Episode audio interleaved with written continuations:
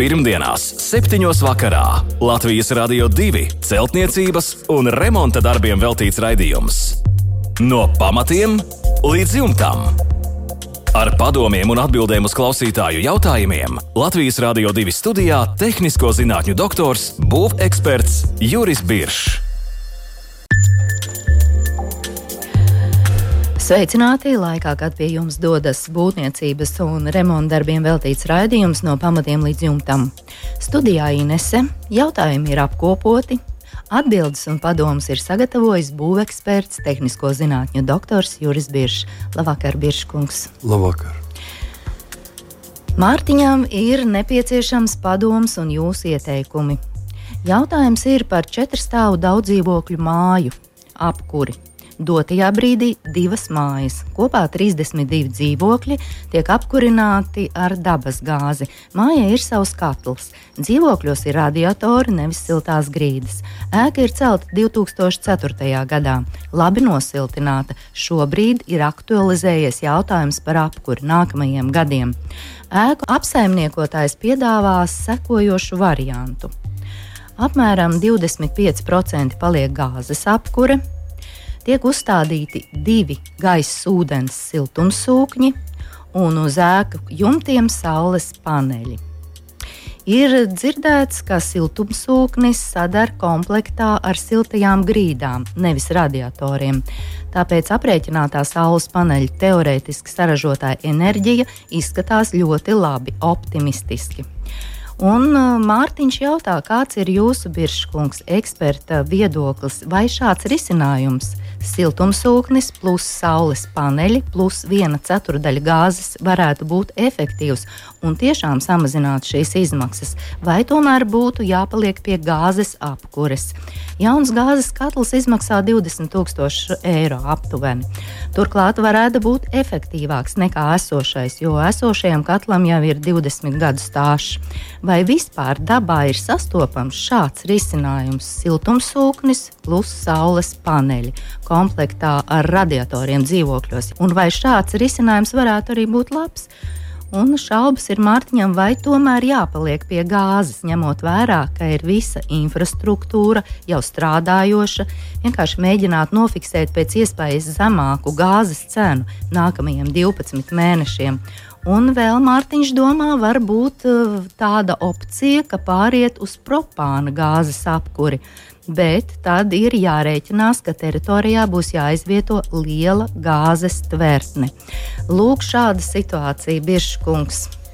Jā, nu, situācija nu, teiksim, tāda samērā negaidīta, bet, bet aktuāla. Bet aktuāli noteikti. Un, un man, diemžēl, jāatvainojas, ka es nu, eksperts šajā, šajos jautājumos neesmu. Bet nu, kaut kādas pieredzes ir, protams, un savas domas ir par tām varam padalīties. Bet eh, šajos jautājumos ir, ir īpaša nozare, apkūra un teiksim, arī ar gāzi saistītie jautājumi. Un, un, un tāpēc tur ir savi speciālisti un zinātāji. Nu, Pirmkārt, man kas liekas, par ko uzreiz gribētos teikt, eh, pārāk daudz nezināmā. Tā vien gribētos eh, pateikt, ka ja jau vat, vat, cik interesanti būtu, ja mēs zinātu, eh, cik maksās gāze, ja jautājumi atkristu un viss jau būtu jau pieņemts un, un iz, izrēķināts un darīt. Otrs, mēs nezinām, un, bet uh, arī teiksim, cik ilgi tas būs. Ja? Jo es negribu ticēt, ka tas uzkāps līdz, līdz mākoņa augstumiem, un tālāk mēs no tās zemē vairāk nekāpsim. Tā pie mums ir mm, parasti jā. cenšas noturēties, bet nomēra laiku. Nu, es domāju, ka tehnika un mm, piedāvājums un, un, un, un tā pamazām tas jau nenozīmē, ka ja no Krievijas nesaņem vairāk gāzi, ka tad pasaule apstājās. Nu, nebūtu, ne, mēs vienkārši pa daudz esam palutināti bijuši no, nu jā, no šīs par, puses. Tā ir, bet par konkrētiem skaitļiem mēs nu, nevaram, nevaram jā, runāt. Konkrētām lietām ir diezgan pagrūti.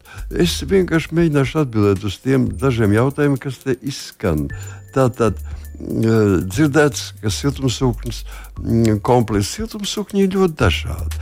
Būsim godīgi, arī šodien vēl visi siltumsūkņi vienalga tur - ūdens, gaisa, ūdens, gaisa zeme un gaisa gaisa.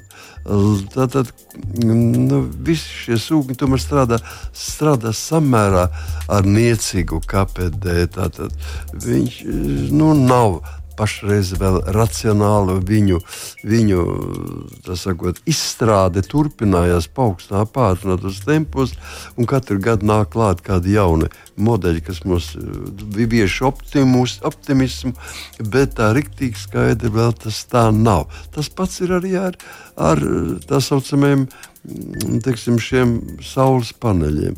Nu, ne jau es saprotu, ka mēs nevis ūdeni, sildām saules paneļus, pane, bet šai gadījumā reāli būtu elektrība. Iegūt, Iegūstam enerģiju. Enerģija, ele, ele, tā tad elektrība.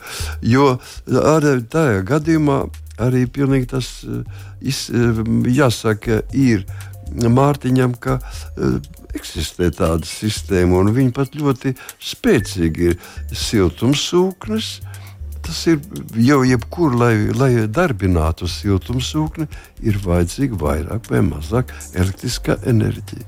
Bez elektriskās enerģijas siltumsūknis nestrādā. Tur vajag cirkulāciju. Ja? Tā tas nozīmē, ka gribot, negribot, mums ir kaut kur šī enerģija jādabū. Un tāpēc tas ir no laika gala bijis, kad, kad mēs taisām teiksim, zemi. Mm, teiksim, zeme, zeme gaisa vai zeme ūdens. Vai gaisa ūdens. Gaisa ūdens jā. Mēs varam veidot šādu siltumsūkni, un pēc tam, lai viņš re, ro, rotētu, lai tur notiktu šie apmaiņas procesi, mēs viņu piedzenam ar dažiem kvadrātmetriem saules baterijām. Ar to pilnīgi pietiekoši, lai varētu piedzīt šo siltumu sūkni. Es saprotu, ka uh, siltām grīdām iet patērējas daudz mazāk šī temperatūra, un temperatūra reti, kad pārsniedz 30 grādus. Ja? Un mēs varam iztikt tad, tad ar mazākiem zudumiem. Bet kā daudz... radiatoriem? Kalus. Bet kā ar radiatoriem siltās Redziet, radiatoriem ar 30 grādiem nekas ir stipri ne, par maz. Ir stipri par maz. Tātad eh, tas nozīmē, ka siltuma sūkņiem būs eh, vēl augstāka prasība, vairāk vēlreiz dzīsim ar kaut kādiem kontūriem cauri. Nu, es tur neesmu galīgs meistars, bet es zinu, ka mēs varam, nu, mēs varam jebkurā gadījumā vienmēr censties jau esošu siltu ūdeni, tā būtu vēl siltāk. Galu galā siltumsūknis jau dod siltu ūdeni. Ja? Tā kā vienīgais ir viņa paaugstināt viņa temperatūru. Un at, tur varētu palīdzēt šī elektriskā ķēde varētu palīdzēt. Tā kā viņai tāda eksistē, lai nodrošinātu tikai siltumsūkņu darbību šai gadījumā, vajadzēs vairāk, lai vēl palīdzētu arī pacelt temperatūru lielāku. Bet būsim godīgi, pavisam atklāti. Tas nozīmē, ka siltumsūkņi ir kaut kur jānovieto. Viņus ir jāveido viņiem ir sakot, savienojušie tīkli un, un viss, kas ir tieši tā nepietiek. Nu jā, sava infrastruktūra. Jā, un tā arī jātaisa arī ir revīzija visā, teiksim, cauruļu sistēmā un, un jāveido pilnībā pa jaunu ir elektrisko saules bateriju uzstādīšana. Tas viss ir samērā jauns. Kaut gan ir atstrādāts, bet šodien par visu to mums prasa diezgan lielas naudas jau šodien. Un es baidos, ka ar vienu um, gada laikā šī summa nesamazināsies. Uh, Un, un galu galā tie ir izdevumi. Tāpēc runāt jau šodien, nezinot, kāda būs teiksim, gāzes maksimālā cena, runāt par kaut kādu nu, teiksim, samazinātu izmaksām, mēs neko nevaram runāt. Un es pilnīgi piekrītu. Kad šāda sistēma, kas tiek piedāvāta, ir ļoti laba, ja mēs ejam uz ilgu laiku Nu, teiksim, ja mēs pie šādas sistēmas paliksim desmit gadus, nu, piecus, tas ir kā minimums. Jo mazāk par pieciem gadiem, ja šie ieguldījumi nu, neatmaksāsies. Praktiski viņi nebūs atpērkami ja, pat tik īsā laikā. Un tāpēc, tāpēc, bet vai mums desmit gadus būs jādzīvo ar milzīgām cenām? Es domāju, ka tādā zemītē, kurā ir pašiem savs kūdra, kuriem pašiem ir sava šķelda, un krūmi vairāk kā vajag, kur mēs varam jaukt šķeldu, likt klāt. Nu, mēs taču ļoti labi zinām, ka to jau dara vienmēr. Arī tagad man ir, ka granulām jauc klāt šo to, un, un, un šajā gadījumā tas ir tīri vajadzīgs. Es domāju, ka un pie tam tas ir atjaunojams, atjaunojams uh, rezultāts. Jo tos nelielos daudzumus kūdrus, ko mēs varam šeit pievienot, tas ir uh, nu, daba atjauno pati par sevi jau gada laikā. Es tāpēc domāju, ka nezinu, vai, lik, vai mēs tiešām mocīsimies desmitiem gadu ilgi. Nu, protams, ka melnais zirdziņš ir gāzes cena, cik viņa sasniegs un cik var būt. Es neticu, ka valsts to nezina. Un, ja viņi to nezina, tad viņi var to nolikt griestus. Ja, es domāju, ka valstī vienīgai ir tiesības. Nu, nevar būt, teiksim, ka nu, valsts pateiks, nē, katrs, tagad, kam ir gāze, maksās 5000. Mm -hmm. Laižam griestus vaļā. Jā, un plēšam, cik varam. Nu, nu, es tā neticu. Es domāju, sevišķi vēl uz iespējamām valdību maiņām tas ir, tas ir neiespējami. Katrā gadījumā būs kaut kādi optimāli piedāvājumi, un kaut kas tāds ir. Un es domāju, pēc pirmā gada arī ir, ir radīsies, radīsies visas reālās atbildes. Un tāpēc nevajadzētu momentāli jau ielikt uz milzīgiem, milzīgi kaut gan nu, daudzumā, daudz dzīvokļu mājai, jā, daudz dzīvokļu mājai ar četru stāvu daudzdzīvokļu māju, ja var aprīkot ar šādu sistēmu, tas nav slikti. Tas nav slikti, tas ir rezerves variants. Un es domāju, ka eh, varētu būt, bet pie mazākiem apjomiem es teiktu, ka ir jāpaskatās, vai nevar iztikt ar, teiksim, ar pārmaksājot. Nu, teiksim, kaut vai ar to pašu. Nu, nu, cerēsim, ka teiksim, gads vai divi ir milzīgas summas. Nu, es domāju, ka tā ir valsts, lai viņi arī domā mazliet, kur tad viņi bija agrāk, ka viņi nevarēja siltināt mājas. Un nedēļu tik skopi deva mums siltināt mājas tikai. Nu, tad, tagad arī visi mēs esam pie tā savā ziņā vainīgi. Tāpēc uh, pārāk maz ir informācijas, lai arī es spriestu par šiem jautājumiem.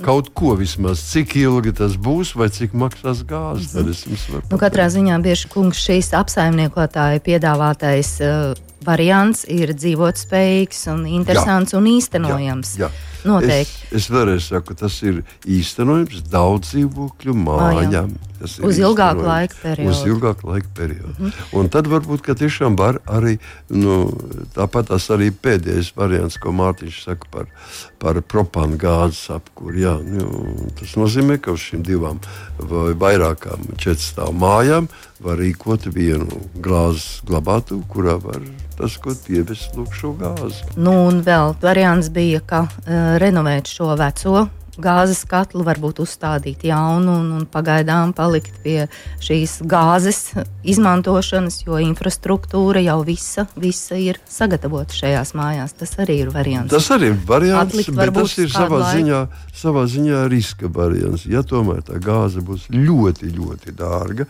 redzam, viss tā gāze katrā gadījumā nebūs visās vietās vienāds dārgums. Nu, tas ir neizbēgami, ka teiksim, tur kaut kādos pampāļos mm. būs viens, viens un Rīgā cita, un, un Benspīlī cita. Un tas viss atkarīgs no daudziem dažādiem faktoriem. Ja? Tā kā atkarībā no tā, kā nu, tās infrastruktūras tiek veidotas, nu, tad cilvēks sāks domāt. Es tomēr gribētu visiem likt pie auss, ka Latvijā ir kūdra, mīļie cilvēki. Latvijā ir šķelda. Un mēs viņu atvainojam, es nezinu, kā ar kūdru. Vismaz agrāk ļoti lielos daudzumos izvedām uz Holandu, Dāniju visur citur. Tagad tas ir lielākam pieklusis. Un, un, un šķelda tiek tāpat tās milzīgos daudzumos izvest uz Skandināviju, mēs varam paši sevi nodrošināt arī ar, teiksim, ar šādiem kombinētiem mhm. kurināmiem. Nu, Raugi mums eh, rūpnieciskā un valstiskā līmenī būtu jāveic šī pārorientācija. Es, es kuras ceru, rezultātā mēs būtu tikai jā, ieguvēji. Ienesīt, es ļoti ceru, ka mūsu attiecīgie dienesti pašreiz kūpošām galvām mm, izrēķina visus iespējamos variantus. Ja? Tāpēc tik līdz parādīsies, teiksim, un, nu, es saprotu, ka gāzi momentā neuzliks, bet viņa kā kāps, ja būs augstāk, augstāk. Bet, nu, nu, kaut kā jāmēģina. Visa pasaule ir nostādīta enerģētikas krīzes priekšā. Ja? Un šeit mēs nevaram teikt tikai vienu, ka tas ir teiksim, esošā kara rezultāts arī milzīgs trieciens un viens no galvenajiem. Punktiem, bet mums jāsaprot, arī Covid ļoti daudz ko ir ienesis un, un, un katrā gadījumā milzīgu, milzīgu inflāciju. Uh, kas reiz arī -hmm. ceļ augšā visas šīs cenas. Un par to viss ir jāmaksā. Bet redz, visa pasaule meklē šos risinājumus. Arī mēs meklējam šos risinājumus. Un Piekrīt. kas meklē, kā zināms, Piekrīt, tas arī atrod. Arī mēs liekam savu, un noteikti mēs savu, arī atradīsim. Grasīti klāt un cenšamies kaut ko teikt. Jā. Pirmdienās, 7. vakarā Latvijas Rādio 2 celtniecības un remonta darbiem veltīts raidījums. No pamatiem līdz jumtam. Ar padomiem un atbildēm uz klausītāju jautājumiem Latvijas Rādio 2 studijā - tehnisko zinātņu doktors, būveksperts Juris Biršs. Turpinām Rīvetes jautājumu. Sakiet, lūdzu, kā efektīvāk dzīvoklī veidot skaņas izolāciju? Ļoti labi var dzirdēt kaimiņus. Droši vien gan no blakus sienām, gan no griestiem, iespējams, ka no grīdas puses arī. Nu, tā ir problēma.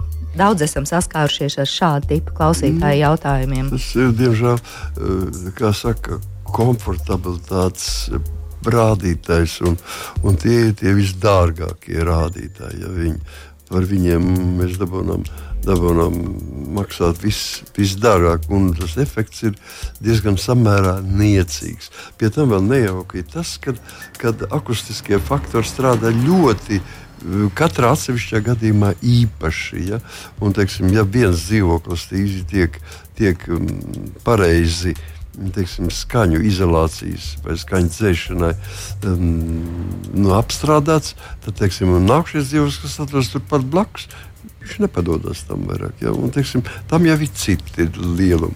Tāpēc varbūt tas, eh, lai nerunātu ļoti, var runāt un daudz un ļoti, un, un varētu stāstīt ārkārtīgi daudz. Bet jautājums ir.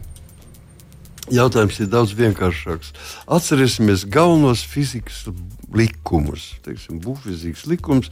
Un tā, ja mēs tos ievērojam, mēs jau kaut ko varam paši izdomāt, vai varam kaut ko pasākt. Un tāpēc pirmais, kas mums ir, tātad, nu, ja gribam kādu norobežojušo uh, telpas elementu, piemēram, sienu, vai griestus, vai grīdu, nu, teiksim, norobežot no kaimiņiem vai norobežot no eh, tīri akustiski, tad mums jāveido ir. Teiksim, nu, teiksim, ja mums ir siena, mēs taisām blakus jaunu sienu, bet šo sienu atdalām no esošās sienas nu, teiksim, ar diviem centimetriem. Tā tukša telpa slānī. Un taisam riņķi, nu, ne jau, protams, neiet runa par kaut kādām akmens būvēm taisīt, bet, teiksim, veidojam kaut kādu, nu, teiksim, no koka, no riģipša mēs varam izveidot vieglu konstrukciju, kur nepieskarās esošai sienai. Tas ir pirmkārt jau variants, interesants. Pēc tam mums ir jāsaprot, ka jo mēs pielietojam pieskaņu izolācijas smagāku materiālu, jo labāks ir efekts. Aizsardzība. Nu, vienkārši akustiskie parametri mm. ļoti labi dzēšas caur masu. Ir pat zināms speciāls akustiskais masu likums, ja, kurš saka, ka, ka ja jebkuras divas sienas atšķirās ar skaņu uh, izolāciju, par labu tai, kuras kvadrātmetrs ir smagāks. Uh -huh. nu, tāpēc, lai mēs varētu izmantot nu, teiksim, pavisam tāds pieejams un, un, un nerunāsim par svīna sienām, ja nu, tas jau būtu tāds teorētiski un nezinu, vai tas ir praktiski iespējams izdarīt un, un, un tā tālāk. Bet, ja mēs pielietojam vissmagāko, ko mums, kas mums būvmateriāla veikalā ir, tas ir reģipsis. Ļoti smags materiāls. Un mēs pielietojam apšujam šo sienu, no kuras mēs gribam izolēties, atšķirt divus centimetrus no viņas nosprāst un apšujam teiksim, ar divām jaunām kārtām rīpšu. Bez tad viņas viss ir klāt, nekādas spraudziņas.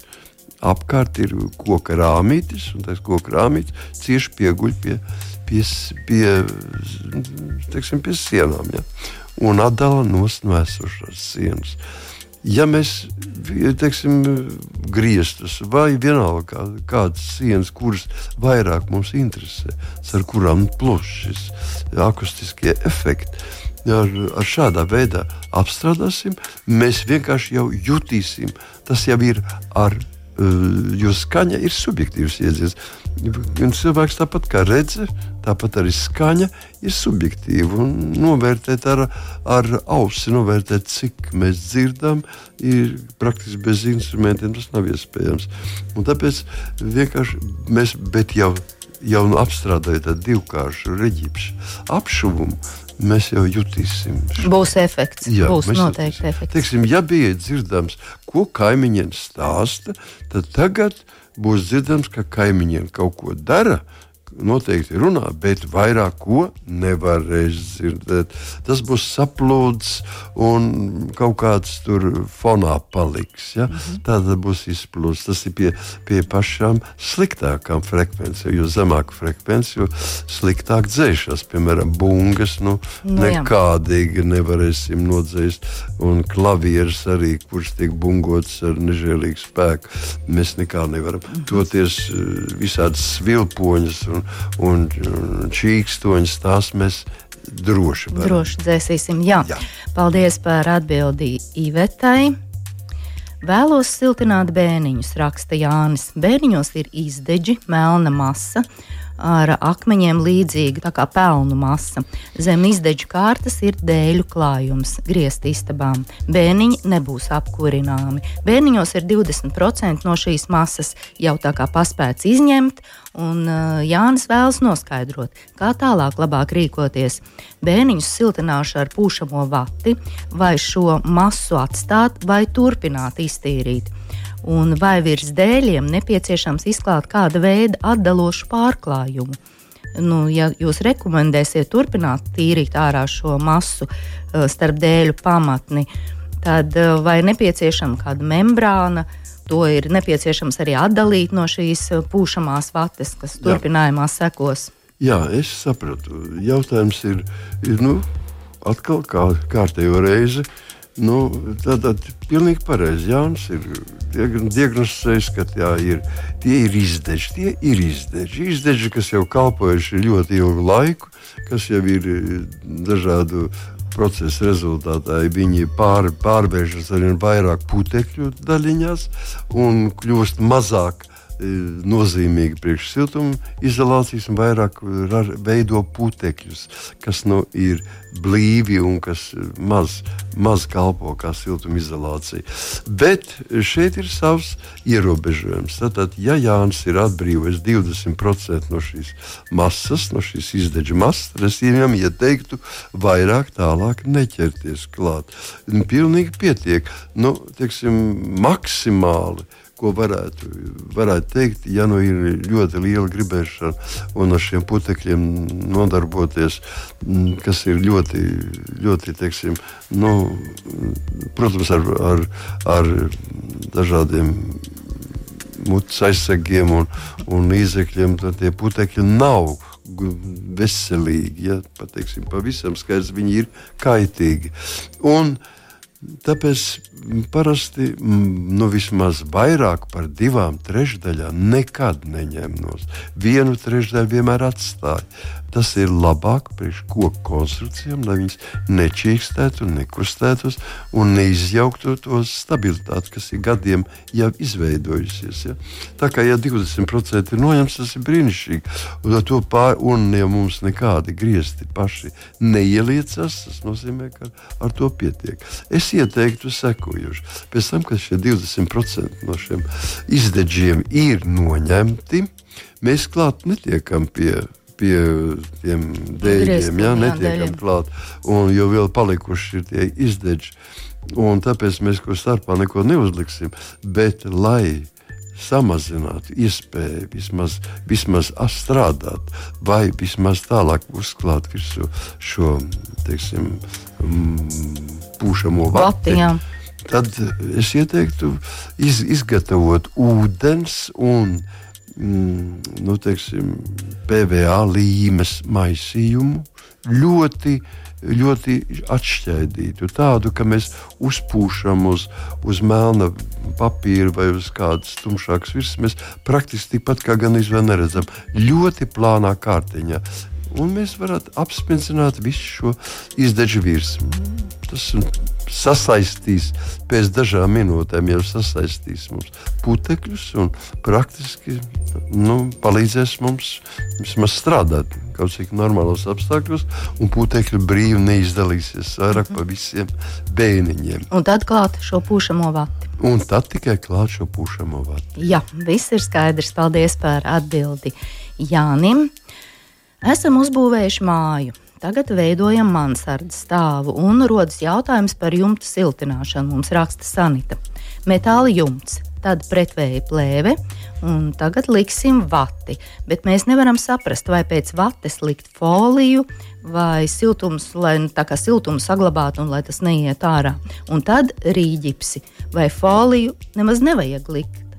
Cik konsultējamies, tik arī domas dalās un Jā. nevaram nonākt pie risinājuma. Jā, nu, es, ne, es neteiktu, ka tur šie jautājumi nav tik sarežģīti. Viņus vienkārši cilvēki paši nedaudz sarežģīti. Bet, protams, ka jāpieturas pie zināmiem faktoriem, par kuriem Sanita nerunā nevienu vārdiņu. Tad mani personīgi interesē, ja reiz ir metāla jums, tad kāds metāla jums sastāv no atsevišķiem gabaliem, atsevišķām loksnēm un savienojās ar skrūvēm, vai ir uz uh, falcēts. falcēts jumts, kas ir milzīgi garās lejās, un tātad nekādu uh, skrūju caurumu nav un nebūs.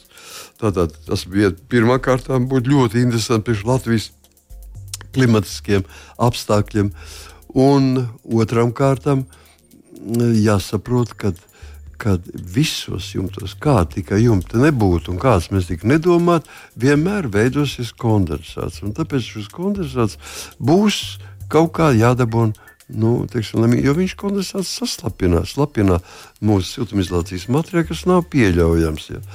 Bet, ja mums ir no dažādām uh, dažādiem gabaliņiem sastāvošs jumts, vai teiksim, metāla jumts, kas sastāv no plāksnēm, kuras savienotas ar skrūvēm, tad mums klāt vēl kondensātām parādās iespēja ielausties starp šīm atsevišķām jumta daļām iekšā pulverveida sniegam. Kas ir neizbēgams. Ja? Jo vienkārši ļoti smalks pulverveids sniegs, lai kā mēs arī neskrūvētu cieši kopā šos elementus, jumta elements, viņi tomēr parādās. Tas tāpat kā tuksnesī. Jūs varat ģērbties, cik jūs gribat, un, un, un cik, cik nu, no hermetiski. Nu, jā, smiltis būs visur. Smiltis būs viss caur jums. Nu, ko nav... darīt, ja jums ir ar skrūvēm? Tomēr? Ja jums ir ar skrūvēm, tad nelaime ir tāda, ka tad mums veidojas cita jumta konstrukcija. Un tad tālākais, sanīt, piemēram, raksta metāla jumts, tad pretvēja plēve it kā tā tam vajadzētu būt. Nē, ja mums ir metāla jumts uz skrūvēm, tad mums aiz metāla jumta seko gaisa šķirkārta, ja? tad seko speciāla tvaika izolācijas plēve ar spīdīgu augšpusi un apakšpusē matiņi. Un šī plēve saucās tvaikizolācijas plēve ar antikondensātu pamatni. Viņi domāta sniega un kondensātu uztverēji.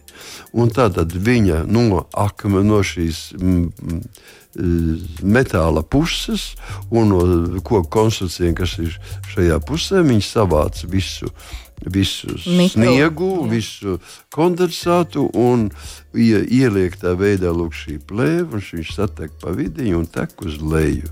Tā mēs savācam sniegu un kondensātu no augšējās daļas. Bet mums jau paliek vēl kondensāts, kas vate, ir apakšā. Tāpēc zem šīs plēves mēs veidojam vēl 3 cm gaisa spraugu. Un tad mēs liekam pretvēja plēvi. Un tad mēs liekam tikai pretvēju plēvi, un zem viņas, protams, cieši nāk siltumizolācijas materiāls. Un tad, ja tas ir siltumizolācijas materiāls, ja tas ir minerāla vata, akmens vata vai stikla vata, tad pēc siltumizolācijas seko tvaikizolācijas plēve. Redziet, mēs jau esam iedzīvojušies trīs plēvēs. Jau. Tā kā tas viss ir daudz vienkāršāk, ja mēs veidojam falsveidīgo. Tad mēs tiešām varam likt pretvēja plēvi līdz zem jumta. Bet tas nozīmē, ka tad mums nav šis sniegs. Ja? Mm -hmm. nu, tāpēc es teiktu, ka jumta fizika ir samērā vienkārša, bet viņi ir jāzina. Un cienījamie e, klausītāji, ja jūs gribat zināt, lai mēs pasakām precīzi, kurš šajā gadījumā vienmēr sakiet, Kas tas ir par jumtu? Vai viņš sastāv no atsevišķiem gabaliņiem, vai viņš ir falcēts, vai viņš ir uz skrūvēm, un kas par materiālu. Tad mēs varēsim stingrāk jums pateikt. Jā, paldies, Biržkungs, par atbildi sanitai. Līdz ar to šovakar mūsu raidījums tuvojas izskaņai. Atgādināšu e-pasta adresi remonds at lr2.lv. Jautājums, protams, varat iesūtīt arī izmantojot mūsu Latvijas Radio 2 mājaslapu, un esam arī populārākajās podkāstu straumēšanas vietnēs. Šovakar paldies Biržkungs par darbu! Lai mums mierīgs, jauks vakars un tiekamies pēc nedēļas! Visu labu! Pirmdienās, 7. vakarā Latvijas Rādio 2 celtniecības un remonta darbiem veltīts raidījums.